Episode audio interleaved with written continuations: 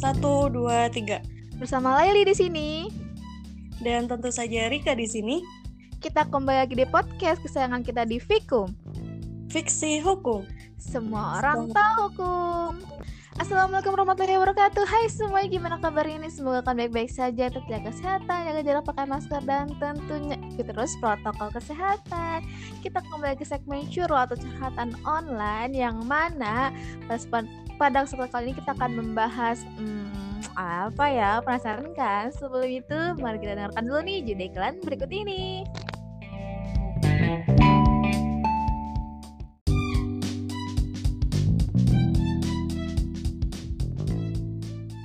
Ya terima kasih kawan-kawan sudah sabar menunggu. Jadi langsung aja nih yang akan kita bahas itu adalah vaksin COVID-19 nih. Yang seperti kita tahu COVID atau pandemi ini masih ada hingga saat ini. Uh, yep. Seperti diberitakan Bapak Presiden kita Bapak Joko Widodo menjadi orang pertama di negeri ini loh yang menerima vaksin. Lalu uh, juga diikuti oleh beberapa influencer-influencer Indonesia yang mana tujuannya itu adalah agar masyarakat ini menerima vaksin. Karena seperti yang diberitakan juga terdapat pro dan kontra terhadap vaksin ini karena uh, belum tahu tentang kebenarannya seperti apa. Nah, karena yeah. berbagai penolakan itulah terdengar kabar juga nih sebenarnya ada loh uh, pemidanaan terhadap uh, orang yang menolak vaksin nih. Iya bener banget nilai di beberapa ada yang berpendapat juga bahwa pidana ini terlalu berlebihan sebagai sanksi atas penolakan vaksinisasi. Tapi, tetapi perlu diingat juga pidana ini sebagai upaya hukum terakhir ya ketika sarana hukum yang lainnya itu tidak berfungsi. Lalu beberapa pihak juga ada yang berpendapat bahwa kewajiban penggunaan vaksin ini merupakan bentuk pelanggaran HAM. Dan ini membuktikan antara pemerintah dan rakyat itu tidak saling memiliki rasa kepercayaan gitu sehingga beberapa pihak itu membuat berbagai macam tuduhan yang diarahkan pada otoritas pemerintah hmm. yang salah satunya adalah menyuarakan haknya untuk menolak divaksinasi. Mm-hmm. Tapi sebelum itu nih, sebelum kita bahas lebih jauh lagi, mm-hmm. kita perlu tahu dulu kan ya, mm-hmm. ini dasar hukum dari pelaksanaan vaksinasi ini mm-hmm. dan dasar mengenai sanksi apa yang bisa kita terima apabila kita menolak divaksin. Okay. Silakan kepada lagi jelaskan. Ya, mungkin kita pahami dulu nih sebenarnya apa itu arti dari vaksin ya.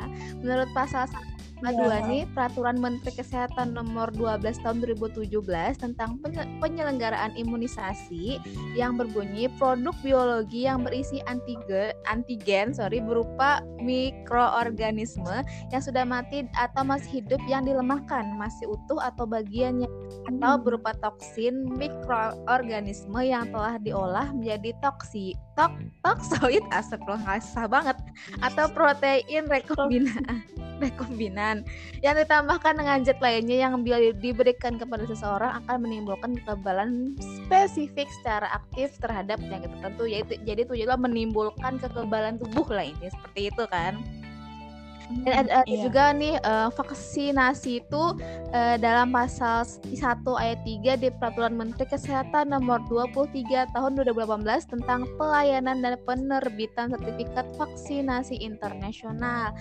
Pemberian vaksin yang khusus hmm. diberikan dalam rangka menimbulkan atau meningkatkan kekebalan seseorang secara aktif terhadap suatu penyakit sehingga apabila suatu saat perja terpajan dengan penyakit tersebut tidak akan sakit atau hanya mengalami sakit ringan dan tidak menjadi sumber penularan. Lalu informasi lebih lanjut lagi tentang vaksinasi COVID-19 ini diatur di dalam Peraturan Presiden Nomor 99 Tahun 2020 tentang pengadaan vaksin dan pelaksanaan vaksinasi dalam rangka penanggulangan pandemi corona virus di 2019 atau COVID-19 sih.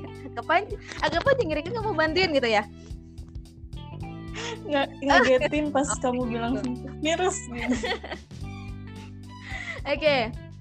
Ya kan sebenarnya tujuan vaksinasi ini untuk ini ya pemenuhan dari kewajiban pemerintah untuk melindungi kesehatan publik atau masyarakatnya gitu. Dan untuk uh, orang orang yang tidak ingin divaksin itu uh, dianggap tidak mematuhi penyelenggaraan kekarantinaan kesehatan nih yang mana merujuk pada pasal 9 ayat 1 junta pasal Undang-Undang Nomor 6 Tahun 2018 tentang kekarantinaan kesehatan nih yang mana disebutkan seperti ini. Ya. Setiap orang yang tidak mematuhi penyelenggaraan kekarantinaan kesehatan sebagaimana dimaksud dalam pasal 9 ayat 1 dan atau menghalang-halangi penyelenggaraan kekarantinaan kesehatan sehingga menyebabkan kedaruratan kesehatan masyarakat dipidana dengan pidana penjara paling lama satu tahun dan atau dan pidana denda paling banyak 100 juta rupiah.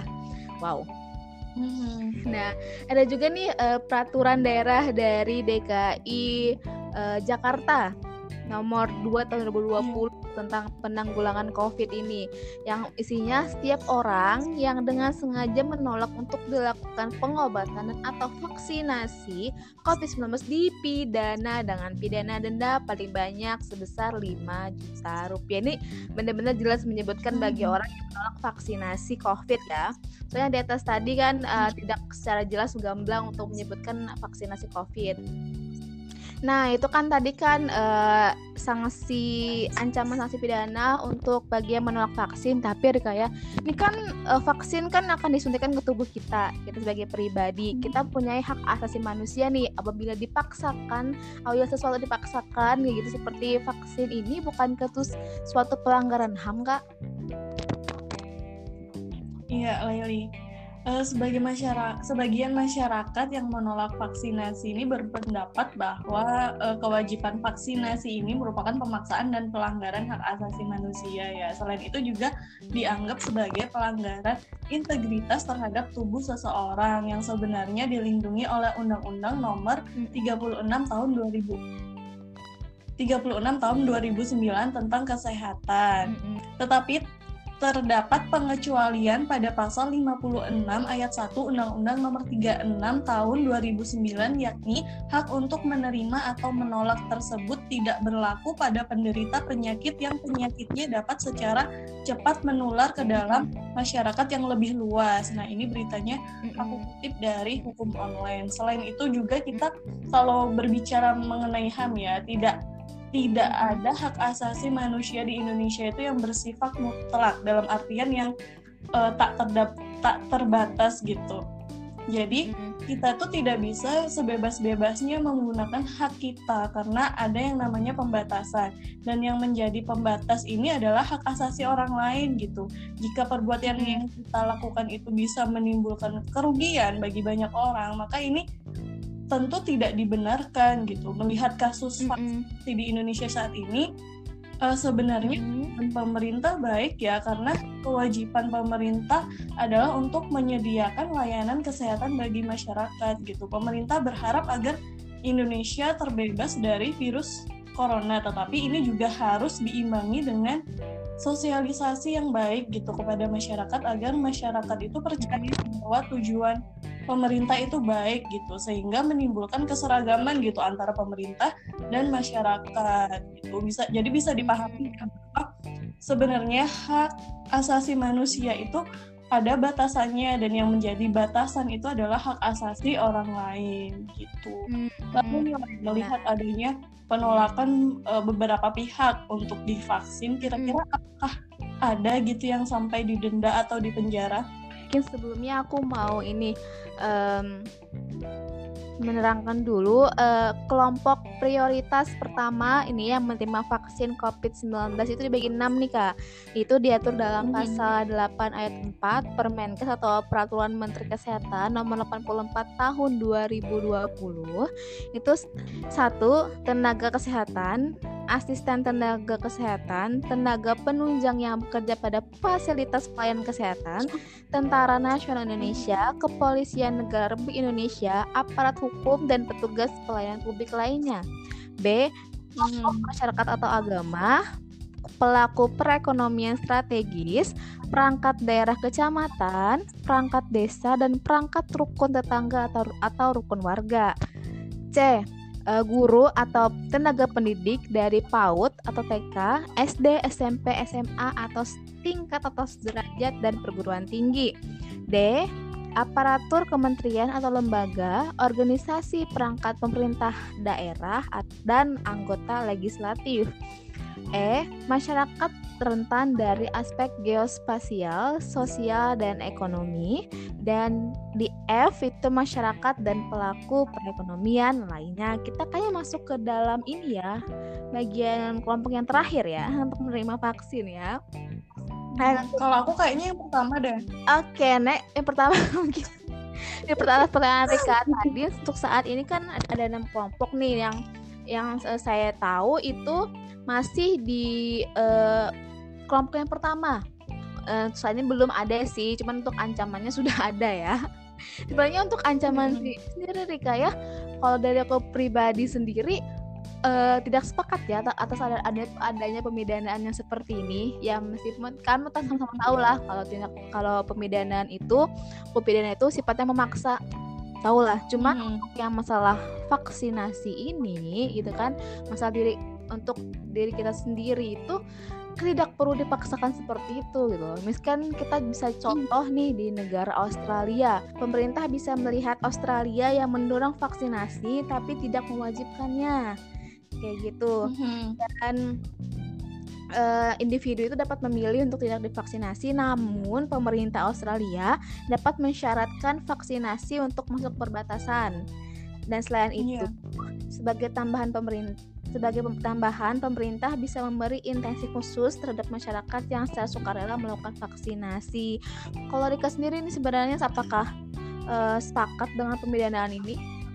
Iya sebenarnya tujuan pemerintah baik ya diwajibkan supaya apa? Supaya kita semua terhindar dari virus corona dan virus corona ini cepat menghilang gitu dari Indonesia.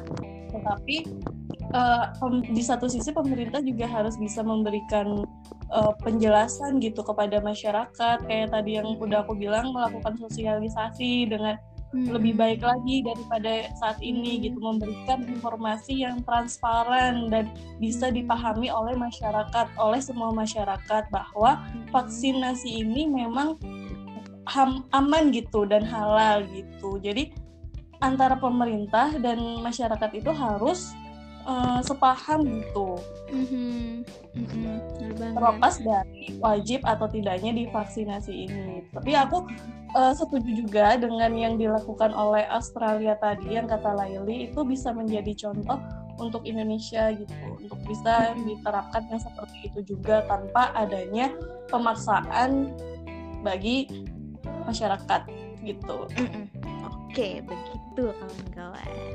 Oke, terima kasih Rika atas pendapatnya. Ya, Oh, sebenarnya Laili sama Rika sendiri untuk vaksin ini sepakat-sepakat aja sebenarnya yang kami permasalahkan itu adalah uh, dipaksakannya nih kenapa kenapa harus dipaksa kenapa harus dipaksakan sih untuk uh, menerima vaksin ini gitu loh ya tapi memang kita patut uh, acungi jempol juga ini terutama untuk Bapak Presiden Jokowi ya yang telah menepati janjinya untuk menjadi orang pertama di negeri kita ini untuk mendapatkan vaksin. Terima kasih ya Pak Jokowi dan juga pemerintahan kita ya kan. Uh, vaksin ini kan tujuan salah satunya tuh untuk menghentikan pandemi virus ini karena vaksinasi itu sangat dibutuhkan karena mempercepat adanya kekebalan komunitas atau herd immunity di masyarakat dengan harapan agar pandemi bisa cepat diakhiri. Benar banget kata tadi. Tujuan pemerintah sudah baik sebenarnya.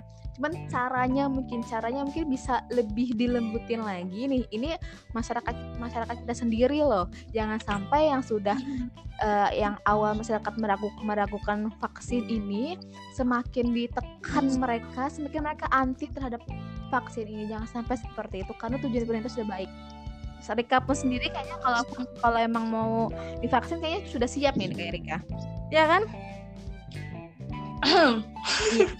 Amin ya. Aku takut jarum suntik. Uh. aku juga mengingatkan nih buat uh, mungkin ada yang beberapa pihak yang masih menolak vaksinasi. Sebenarnya kita uh, kebebasan hamnya itu dibatasi ya seperti yang udah aku jelaskan tadi bahwa kita tuh tidak bisa semena-mena untuk uh, menggunakan hak kita karena hak kita itu dibatasi oleh hak orang lain juga contohnya nih kalau misalnya kita saat ini menolak untuk untuk divaksin tetapi kita uh, akhirnya malah berujung menularkan lebih banyak virus lagi ke orang lain. Nah, itu yang disebutkan sebagai pelanggaran terhadap hak asasi orang lain. Jadi di sini kita harus bisa memahami gitu hak yang dimiliki oleh setiap orang. Gitu. Dan uh, Perda DKI Jakarta tadi yang kusebutkan itu sekarang uh, sedang diuji materi ke Mahkamah Agung nih untuk menguji pasal 30 Perda DKI Jakarta nomor 2 tahun 2020 tentang penanggulangan COVID-19. Yang mana isinya itu yang tadi setiap orang yang dengan sengaja menolak untuk melakukan pengobatan dan atau vaksinasi COVID-19 diberi dengan pidana denda paling banyak sebesar 5 juta rupiah. Apakah nanti akan berhasil permohonannya kita tidak tahu. Semoga yang terbaik saja tentu tentunya untuk masyarakat Indonesia dan vaksin ini semoga benar-benar dari tujuan pemerintah untuk menyehatkan kembali negeri kita ini, negeri tercinta kita ini. Semoga doa kita doa kita sama-sama semoga pandemi ini lekas berakhir. Amin amin ya rabbal alamin. Oke, okay, mari kita akhiri podcast kita pada hari ini. Terima kasih buat kawan-kawan yang sudah mendengarkan dan tentunya kami mohon maaf sebesar-besarnya apabila selama kami berpodcast tadi ada salah-salah kata dan perbuatan. Dan buat kalian yang pengen juga nih gabung di podcast fiksi hukum di segmen Hotpot, Curol ataupun Script Suite silahkan aja hubungi Lalina Rika di Instagramnya di @fiksi.hukum di follow ya kawan-kawan di Instagram di @fiksi.hukum kami tunggu kabarnya Iya, dan jangan lupa juga sampaikan kritik dan juga saran kalian ke Fiksi Hukum. Sampai jumpa di episode-episode selanjutnya. Tetap di Fikum. Fiksi Hukum. Mau. Tahu hukum. Hukum. Bye-bye. Bye-bye. Nyong di balik podcast. Masker dan terus ikuti trot. Terus. Sendiri kan Rika Rika Rika ya untuk Rika Rika ya. Oke. Okay. aku pikir bakso lah. Hah? Ya Allah ya Robbi astagfirullah